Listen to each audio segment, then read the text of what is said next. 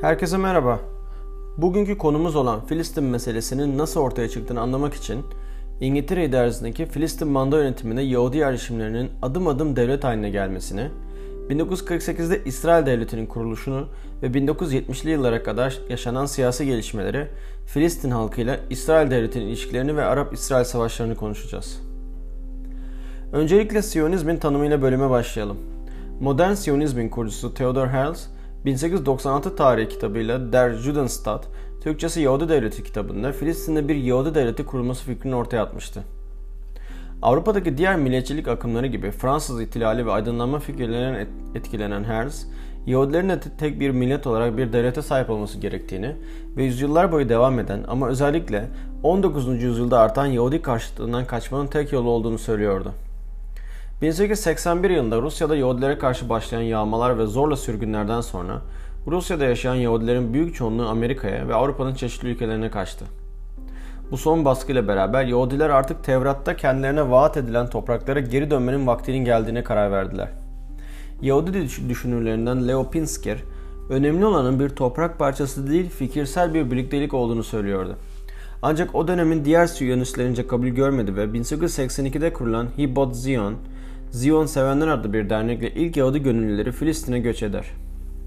Her ne kadar bu küçük toplulukla Filistin'e bir göç başladıysa da esasen Filistin'de bir devlet kurma fikrini ve tüm Yahudilerin içinde bu ateşi yakacak isim Theodor Herzl olmuştur. 1897'de İsviçre'de toplanan ilk, ilk Siyonist kongresinde tüm Siyonist düşünürler bir araya gelerek Filistin'de bir devlet kurulması gerektiğine karar vermişti. İlk olarak Filistin'den büyük toprak parçaları alarak yerleşimlere başlanacağını ve daha sonra diplomasi ve büyük güçlerin yardımıyla devletleşmeye gidileceğine karar verildi. Filistin'e giden Yahudilerin nüfusu arttıkça ve Herzl'in daha rasyonel bakış açısından daha radikal bir yaklaşıma doğru evrilen Yahudiler, Filistin'de yaşayan Arapları dışlayarak kendi saf topluluklarını kurmaya başladılar. Ancak Yahudilerin milliyetçiliği ve Siyonizm yükselirken aynı dönemde Arap milliyetçiliği de yükselişteydi. En başta Filistin üzerinde bir Filistin milliyetçiliği yoktu ve Filistin Suriye'nin bir parçası olarak görülürdü ve orada yaşayan Araplar aşiret olarak yaşarlardı. Ayrıca Arap milliyetçiliği Suriye, Irak, Arabistan gibi belli sınırlar talep eden bir yaklaşım içinde değil, bütün Arapların birleştiği bir milli kimlik olarak başlamıştı. Osmanlı'nın bölgeyi kaybetmesi ve batılı güçlerin Orta Doğu'yu yapay sınırlarla ülkelere ayırmasından sonra Filistin özelinde bir milliyetçilik başladı. Çünkü Filistin hem Yahudilere hem Araplara vaat edilmişti. Birinci Dünya Savaşı'na Osmanlı'nın dahil olmasıyla Orta Doğu'da savaş başladı. Savaş sırasında İngilizler ve Fransızlar gizli Sykes-Picot anlaşması ile Orta Doğu aralarında paylaştılar ve İngilizler Osmanlı'dan kurtulmak isteyen bazı Arap topluluklarıyla işbirliği yaparak onlara devlet vaat etti. Aynı zamanda Yahudilerin de desteğini arayan İngilizler Yahudilere de toprak sözü vermişti. Savaş dönemi Mısır valisi Henry McMahon ile Mekke'nin koruyucusu Mekke Şerifi Hüseyin arasında 1915-16 yıllarında gizli yazışmalar oldu. McMahon, Hüseyin'in başlatacağı isyan sonrasında Suriye ve Lübnan harici Arap Yarımadası'na bir devlet sözü verdi. Filistin'e dair özel bir atıf yoktu. Arapların isyanıyla Osmanlı hem Süveyş kanalına yaklaşamadı hem de savaşın ilerleyen dönemlerinde elde tuttuğu mevzileri de bir bir kaybetti. Hüseyin'e göre Filistin bölgesi kendi Arap devletinin içine yer almalıydı. Ancak İngilizler bu bölgeyi 1917 tarihli Balfour Deklarasyonu ile Yahudilere verdi. Gerçi bu deklarasyonda kurulacak yeni devletin sınırları belli değildi. Bu durumda Filistin hem Araplara hem de Yahudilere söz verilmişti ve yeni yüzyılın en büyük problemlerinden biri olan Arap-İsrail çatışmasının ilk tohumları atılmıştı. Savaştan sonra her iki tarafta ayak kırıklığına uğradı. İngilizler Milletler Cemiyeti çatısı altında Orta Doğu topraklarını yapay sınırlarla bölerek çeşitli manda yönetimleri kurdular. Manda yöneti dediğimiz olgu, belli bir bölgede kurulan yeni bir devletin halkın ve yönetici kesimin bağımsız bir devletin yönetimi olgunluğuna ulaşana kadar büyük bir devlet tarafından yönetilmesiydi. İngilizler 1916 Sykes-Picot anlaşmasına sadık kalarak Orta Doğu'yu Fransızlarla paylaştılar. Filistin'i ise bizzat kendileri yönetmeye başladılar.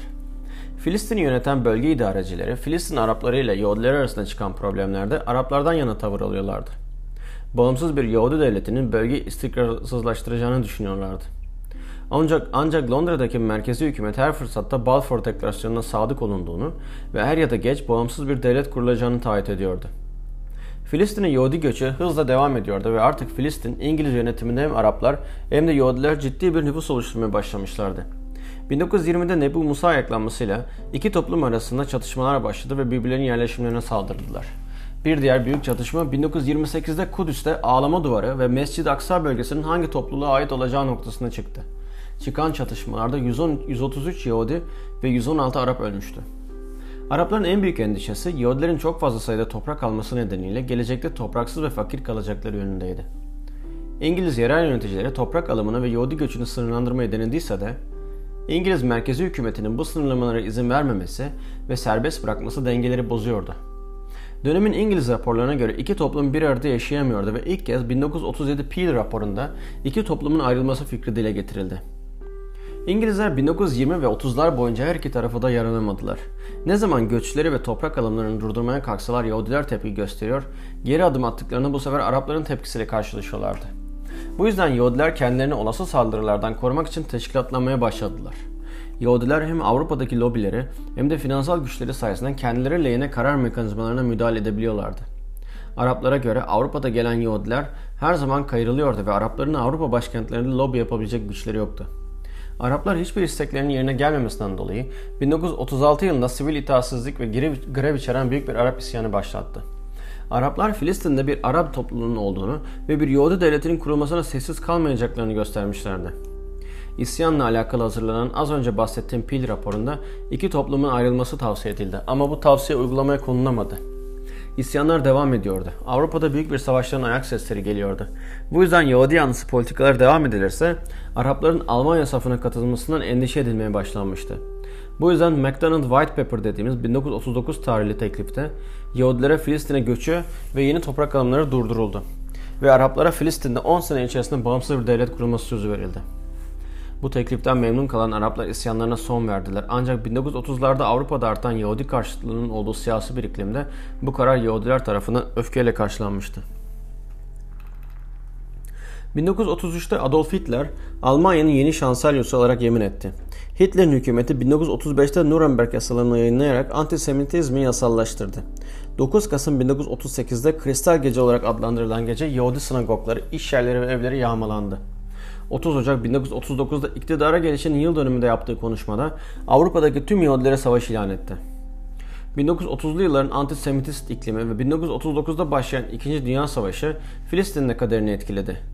1933 ile 36 arasında 164 bin Yahudi Filistin'e göç etti ve Filistin'deki Yahudi nüfusunu ikiye katladı. Daha önceki gelen kafileler çoğunlukla çiftçi ve işçi sınıfından iken bu sefer Burjuvadan ve orta sınıftan kitleler Tel Aviv ve Ayfa bölgesine yerleştiler ve Yushuv denilen Yahudi bölgesini genişlettiler.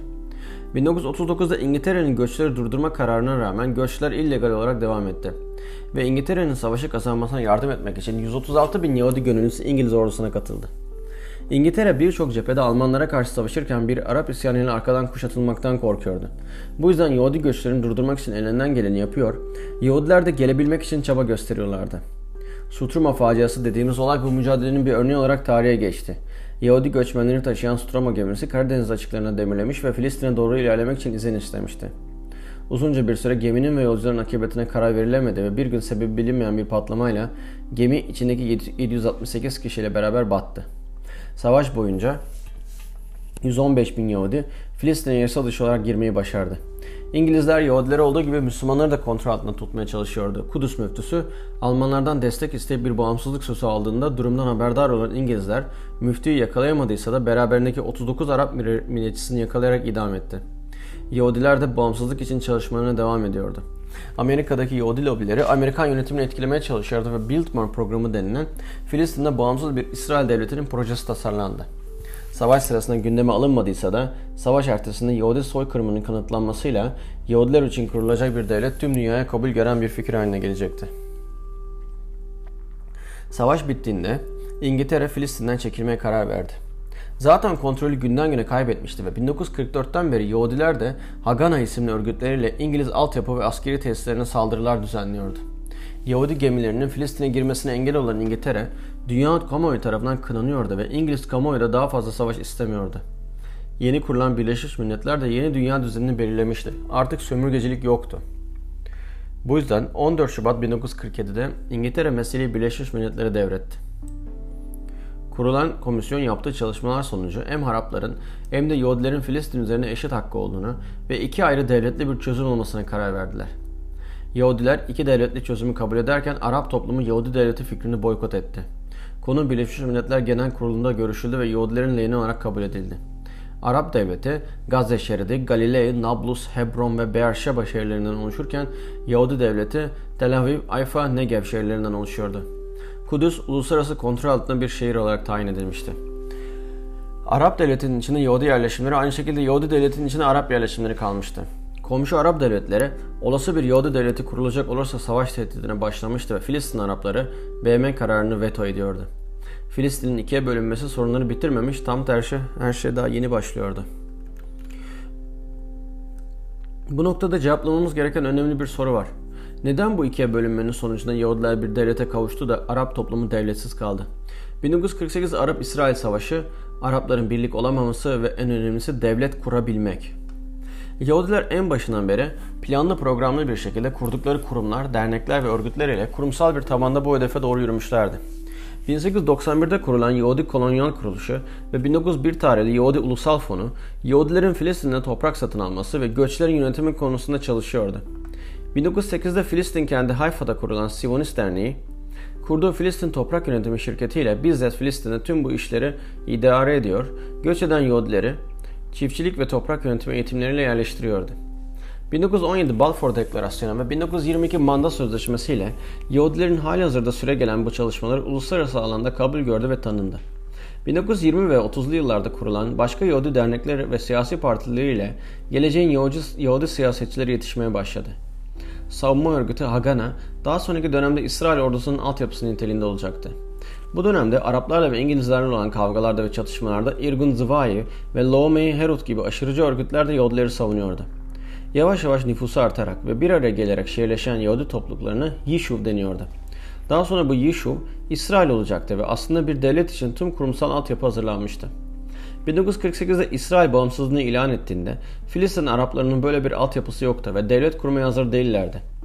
Gerçi tüm bu dönem içinde çeşitli Arap kongreleri toplanmış ve Arap milliyetçiliği ekseninde çalışmalar yapılmıştı ama Araplar tek bir örgütsel çatı altında tek ses değildi ve Suriye'nin bir parçası olmaktan farklı farklı kabileler altında yaşamaya devam etmek gibi çok farklı görüşler vardı. Dinsel olarak dahi farklı dini liderler olduğu için Müslüman kimliği altında tek bir dini lider altında da birleşebilmiş değillerdi. Gene de 1936-39 yılları arasında büyük bir Arap isyanı çıkarmayı başarmışlar ve İngilizler merkezi yönetimini etkileyerek Yahudi göçlerini ve toprak alımlarını durdurmayı başarmışlardı. Ancak devlet kurma günü geldiğinde kurumları yoktu. Birlik içinde değillerdi ve bir liderleri yoktu. Bu yüzden Filistin ikiye bölündüğünde binlerce Filistinli komşu Arap ülkelerine doğru dağıldı ve günümüzde halen süren Filistinli mülteciler problemi başlamış oldu. 14 Mayıs 1948'de İsrail Devleti bağımsızlığını ilan etti.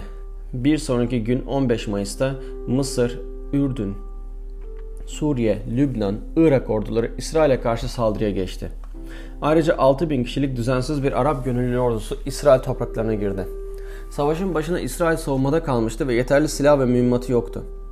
Filistinli Fedai denilen gerilla birlikleri ve gönüllü Arap ordusu başarılı sonuçlar alarak ilerlediler.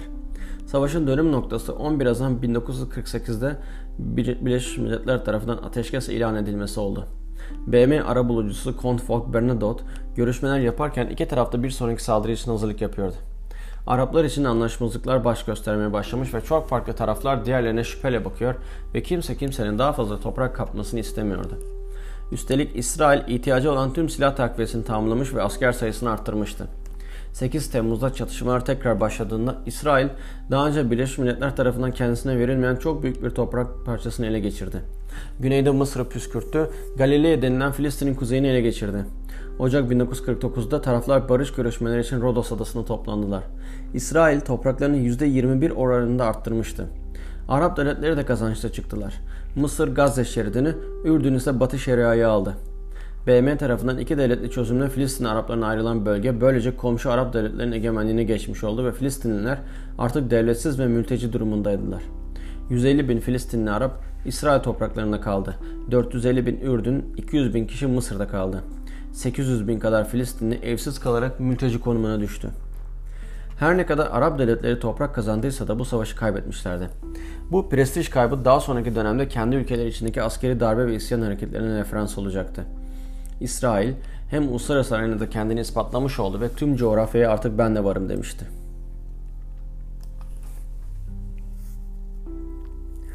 1948 Savaşı'nın kazanılmasından sonra İsrail, David Ben Gurion liderliğinde devlet yapılanması kurulmasına hız verdi. Daha fazla Yahudi göçü, ekonomik yeterlilik ve silahlanma öncelikli konu başlıklarındandı. Bu erken dönemde Fransa, İsrail'i silahlanma noktasında destekliyordu. Yenilen Arap ülkeleri de kendi içlerinde bir hesaplaşma yaşıyordu. Sadece 1949'da Suriye'de 3 adet askeri darbe gerçekleşmiş ve 1950'ler boyu istikrarsızlık sürecekti. Ürdün Kralı Abdullah 1951'de suikastla öldürülmüştü. Yerine gelen Talal 2 sene sonra koltuğunu Hüseyin'e bırakacaktı. Lübnan'da darbe girişimi yaşanmıştı. Bunlardan en önemlisi Mısır'da Kral Faruk Özgür Subaylar tarafından 1952'de devrilmişti.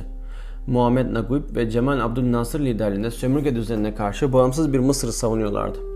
1954'te Nasır Mısır'ın lideri oldu ve non-alignment dediğimiz tarafsızlık politikasıyla hem Arap dünyasında hem de kolonileşmeye karşı mücadele eden 3. Dünya ülkelerinin gözünde bir kahraman olacaktı. İsrail'in Mısır'daki iktidar değişikliğine karşı yaklaşım, yaklaşımı ilk başta olumluydu ve görüşmelere başlanmıştı. Ancak 1954'te Lavan olayı dediğimiz bir olayla ilişkiler hızla bozulma yoluna girdi. İsrail Gizli Servisi'nin Mısırlı Yahudilerle birlikte tertip ettiği operasyonla Mısır'daki İngiliz ve Amerikan binalarına saldırı planlanmıştı ve böylelikle Mısır zor duruma sokulacaktı. Operasyon başarısız oldu ve akabinde sınır hattı boyunca çatışmalar çıktı. Mısırlı sivil halkın sınır hattı boyunca İsrail'e geçerek saldırılar yapması sonucu 1955'te İsrail'in Mısır'a ait Gazze saldırısıyla 38 Mısır askeri öldürüldü. İsrail'in bu saldırısı bardağı taşıran son damlaydı ve Mısır lideri Nasır Sovyetlerden yardım istedi. 1955'te Çekoslovakya ile bir silah anlaşması yaptı. Mısır Cezayir Bağımsızlık Hareketi'ni destekliyordu ve Fransa ile de ilişkileri bozulmuştu. İngiltere, Nasır'ın Arap dünyasının İngiltere karşı kışkırtmasından çekiniyordu. Amerika ise Çekoslovakya silah anlaşmasından dolayı rahatsızdı. Mısır'ı köşeye sıkıştırmak için Amerika, Nasır'ın mega projesi Aswan Barajı projesinin finans kaynaklarını kesti. Nasır ihtiyacı olduğu parayı bulabilmek için Süveyş kanalını millileştirmeye karar verdi. Bu hareket İngiltere ve Fransa için savaş nedeniydi. İsrail lideri Ben Gurion da savaş yanlısıydı ve İsrail'in çıkarlarının kendine düşman ülkelerin saf taşı bırakarak sağlanacağına inanıyordu. Hem Mısır'a hem de Lübnan'a yapılacak bir saldırı planlamıştı. Ekim 1956'da İsrail birlikleri Sina Yarımadası'nı işgale başladı.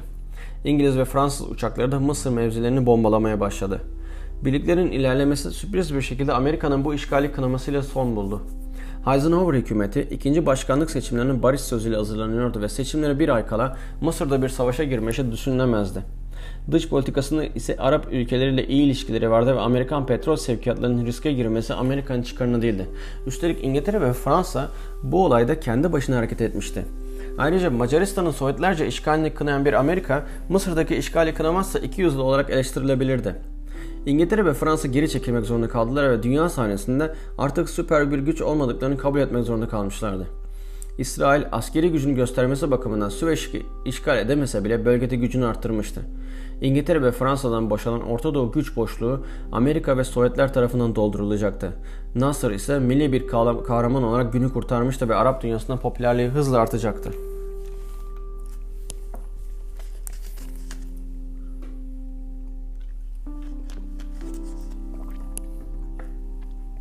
Arap devletleri kendine güveniyordu ve İsrail işgal ederek Filistin'i özgürlüğüne kavuşturabilirlerdi. Ama işler beklenildiği gibi gitmeyecekti. Michel Aflak ve Salah Bitar tarafından 1947'de kurulan Yeniden Doğuş Partisi, Baath Partisi, 1963'te Suriye'de, 1968'de Irak'ta yönetimi eline almıştı. İsrail karşıtı bir parti olarak iktidara geldikten sonra İsrail ile sürtüşmeler başlamıştı. Galilea Denizi çevresinde sınır hattında ufak çatışmalar yaşanıyordu. Suriye Mısır ile bir savunma anlaşması yapmıştı. İsrail hem kuzeyden hem güneyden çevrilmişti. Ürdün'den konuştu Filistin'in geriler de ara sıra saldırılar yapıyordu. 13 Kasım 1966'da İsrail Ürdün köylerine operasyon yaptı. 15 Arap askeri, 3 sivilin öldüğü operasyonda 140 tane ev yıkıldı. Büyük bir savaşın kokusu duyuluyordu. 7 Nisan 1967'de İsrail uçakları Şam hava sahasına girerek 7 Suriye uçağını düşürdü. 13 Mayıs'ta Sovyet istihbaratı İsrail'in yığınak yaptığına dair hatalı bir rapor sundu. 14 Mayıs'ta Mısır birlikleri Sinay Yarımadası'na girerek İsrail sınırında yığınak yaptı. Sınır hattında BM barış gücü bulunuyordu. Mısır bu birliklerin çekilmesini istedi ve BM güçleri bölgeden ayrıldı. Artık İsrail ve Mısır arasında tampon bir barış gücü birliği bulunmuyordu. 22 Mayıs'ta Mısır Tiran Körfezi'ni deniz trafiğine kapattı. Bu İsrail'in lojistik bağlantısını kesen saldırgan bir girişimde ve İsrail'e göre savaş sebebiydi. Ürdün bölgede yalnız kalmamak adına Mısır ve Suriye'nin savunma anlaşmasına katıldı. Haziran ayına geldiğimizde 80 bin Mısır askeri, 900 Mısır, 300'er Suriye ve Ürdün tankı savaşa hazırdı. İsrail'in 250 bin askeri, 1093 tankı ve 203 tane uçağı bulunuyordu. 4 Haziran'da İsrail Başbakanı Levi Eskol, koalisyon hükümeti kurarak savunma bakanlığı görevini Moshe Dayan'a vererek meclisten saldırı tezkeresinin geçmesini sağladı. Bazı tarihçiler bu savaşın aslında olmayacağını, kazalar zinciriyle çıktığını söyler. Bazıları İsrail'in fethi duygusuyla hareket ettiğinden dolayı savaşın kaçınılmaz olduğunu, bazıları ise Sovyetlerin yanlış istihbarat örneğinde olduğu gibi bölgeyi bir savaşa sürükleyerek zaten Vietnam'da boğulmuş olan Amerika'nın Orta Doğu bataklara çekilmesini istediğini iddia eder. Sanırım kimse savaşın 6 gün içinde biteceğini tahmin etmemiştir. Nitekim 5 Haziran 1967'de İsrail Hava Kuvvetleri aynı anda Mısır, Suriye ve Ürdün hava saldırısıyla savaşı başlatır. 304 Mısır uçağı daha havalanmadan yok edilir. 53 Suriye ve 28 Ürdün uçağı imha edilir. Düşman ülkelerinin hava kuvvetlerinin yok edilmesi İsrail Kabuk Kara Kuvvetleri'ne muazzam bir üstünlük sağlar. Arap ülkelerinin arasındaki koordinasyon eksikliği, eksikliği hazırlıksızlık İsrail'in üç cephede bir savaş yerine sırayla önce Mısır'ı, sonra Ürdün'ü ve en son Suriye'yi yendi ve 5 gün içinde Sina Yarımadası'nı, Batı Şeria ve Doğu Kudüs'ü ve Golan Tepelerini aldığı bir zafere dönüşür. İsrail hem daha sonra bir barış anlaşmasına verilebileceği kadar büyük bir toprağa ve kendi ülkesinin koruyabileceği stratejik derinliği hem de kutsal Kudüs'e kavuşmuştur. Ancak bu savaş barış getirmeyecektir. Çünkü İsrail artık üstünlüğünü hem kendine hem de tüm dünyaya göstermiştir ve Filistin konusunda taviz vermeyi düşünmeyecektir. Ayrıca gururları kırılan Araplar bu yenilginin ezikliğiyle boynu bükük kalacaktır. 1967 yenilgisi Pan-Arap hayallerinin son anlamına geliyordu ve yerel milliyetçilik ve siyasal İslam, İslam güçlenmeye başlayacaktı. 1970'te Nasır'ın kalp krizi sonucu ölmesiyle yerine Enver Sadat geçti. Sedat diplomasi yoluyla kaybettiklerini geri alacağına inanıyordu. 1970'te Suriye'de iktidara gelen Hafız Esad askeri çözüme inanıyordu. Lübnan ve Ürdün ise yeni bir savaştan uzak durarak sözde Filistin davasını desteklediklerini söylüyorlardı. Her ne kadar Sadat diplomasi yoluyla Sina Yarımadası'nı geri istediyse de bölgenin yeni sahibi İsrail kazanımlarını vermeyi düşünmüyordu. Sonuçta bir savaşı kazanmıştı ve bunu geri alacaklarını düşünmüyordu. Sedat bir önceki savaşın kaybedeni olarak masaya oturamayacağını anlamıştı bu yüzden de dengeleri eşitlemek için yeni bir savaşa ihtiyacı vardı.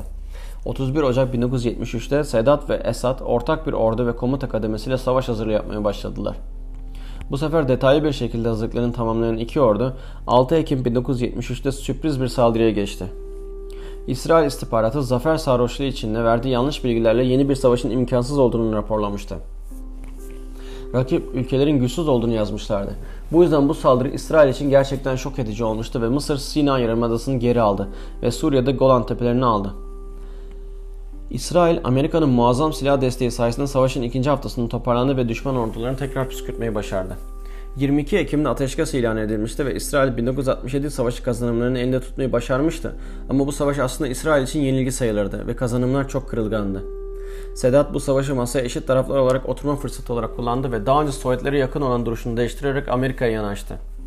Amerika'nın tarafına geçen Mısır, İsrail'e 1979'da bir barış anlaşması yaparak Sina Yarımadası'nı geri aldı. İsrail ise bu toprağı vererek güçlü bir rakibiyle barış yapmış oluyor ve arkasını sağlama alıyordu. Esad Mısır tarafından kullanıldığını anlamıştı ve Golan tepelerini almak için bir silahlanma seferberliğine başladı. Mısır'ın İsrail ile anlaşması kendisinin Arap Ligi'nden kovulmasına, ülke içinde siyasal İslam'ın güçlenmesine ve Sedat'ın 1981'de suikasta uğramasına yol açtı. Bir sonraki savaş Lübnan'da olacaktı. Lübnan'ın 1982'de Galileo Barış Harekatı adıyla işgal edilmesinin 5 ana nedeni vardı. Birincisi Lübnan 1975'ten beri iç savaştaydı ve bu 1964'te kurulmuş olan Filistin Kurtuluş Örgütü'nün Lübnan'da konuşlanmasına İsrail'e tehdit eder hale gelmesine yol açmıştı. İkincisi Suriye 1976'da Lübnan'a asker göndermişti ve İsrail olası bir Rus-Suriye savaşına iki cephede savaşmaktan endişeliydi. Üçüncüsü 1977'de İsrail'de ilk kez İşçi Partisi seçimi kaybetmişti ve sağcı ve savaş yanlısı Likud Partisi Menachem Begin liderliğinde iktidara gelmişti. Dördüncüsü Filistinliler 1978'de bir İsrail otobüsünü kaçırmış ve 38 İsrailliyi öldürmüştü. Bunun ardından İsrail Litani operasyonu ile Lübnan'ın güneyini işgal edip Filistin örgütüne saldırmıştı. Ayrıca Maruni Hristiyanlarını destekleyerek Müslümanlara karşı savaşta kendine destek bir örgüt kurulmasını sağlamıştı. Ve beşincisi 1981 seçimlerinin bir kez daha sadece Likud Partisi kazanmış ve Dışişleri ve Savunma Bakanlıklarını aşırı savaş yanlısı Yitzhak Shamir ve Ariel Sharon almıştı. Sharon'a göre Suriye ve Filistin örgütüyle savaş kaçınılmazdı ve Orta Doğu'da İsrail hegemonyası için gerekliydi. Lübnan'ın işgali Filistinlilerin İsrail'in kuzeyine roket saldırıları yapmasıyla başlayan çatışmalarla şekillenmişti. Savaş sebebi için gerekli bahane de 3 Haziran 1982'de İsrail Büyükelçisi'ne Londra'da yapılan suikast girişimiydi. Zaten savaş planları senenin başından itibaren yapılmıştı ve 6 Haziran'da savaş resmen başladı. İsrail kamuoyuna daha önceki Litanya operasyonu gibi kısa süreli bir operasyon olacağı söylenmişti. Ama gerçek amaç Filistinlileri Lübnan'dan çıkarmak, Lübnan'da yeni bir Maruni Hristiyan hükümeti kurmak ve üçüncüsü Suriye birliklerini Lübnan'dan çıkarmak ve dördüncüsü Lübnan'ın işgali sonrası Batı Şeria ve Gazze'deki Filistin varlığını sona erdirmekti. Ancak istenilen hedeflere ulaşılamıyordu. İlerleyen İsrail ordusu Maruni birlikleriyle koordinasyon sağlayamadı. İsrail Beyrut'u kuşattı ve Filistin örgütü birlikleri Lübnan'dan ayrılarak Tunus'a gittiler. Maruni Hristiyan lideri Gamayel 23 Ağustos'ta savaş, savaşın sıcağında yapılan seçimleri kazanarak ülkenin lideri oldu. 14 Eylül'de suikaste kurban gitti.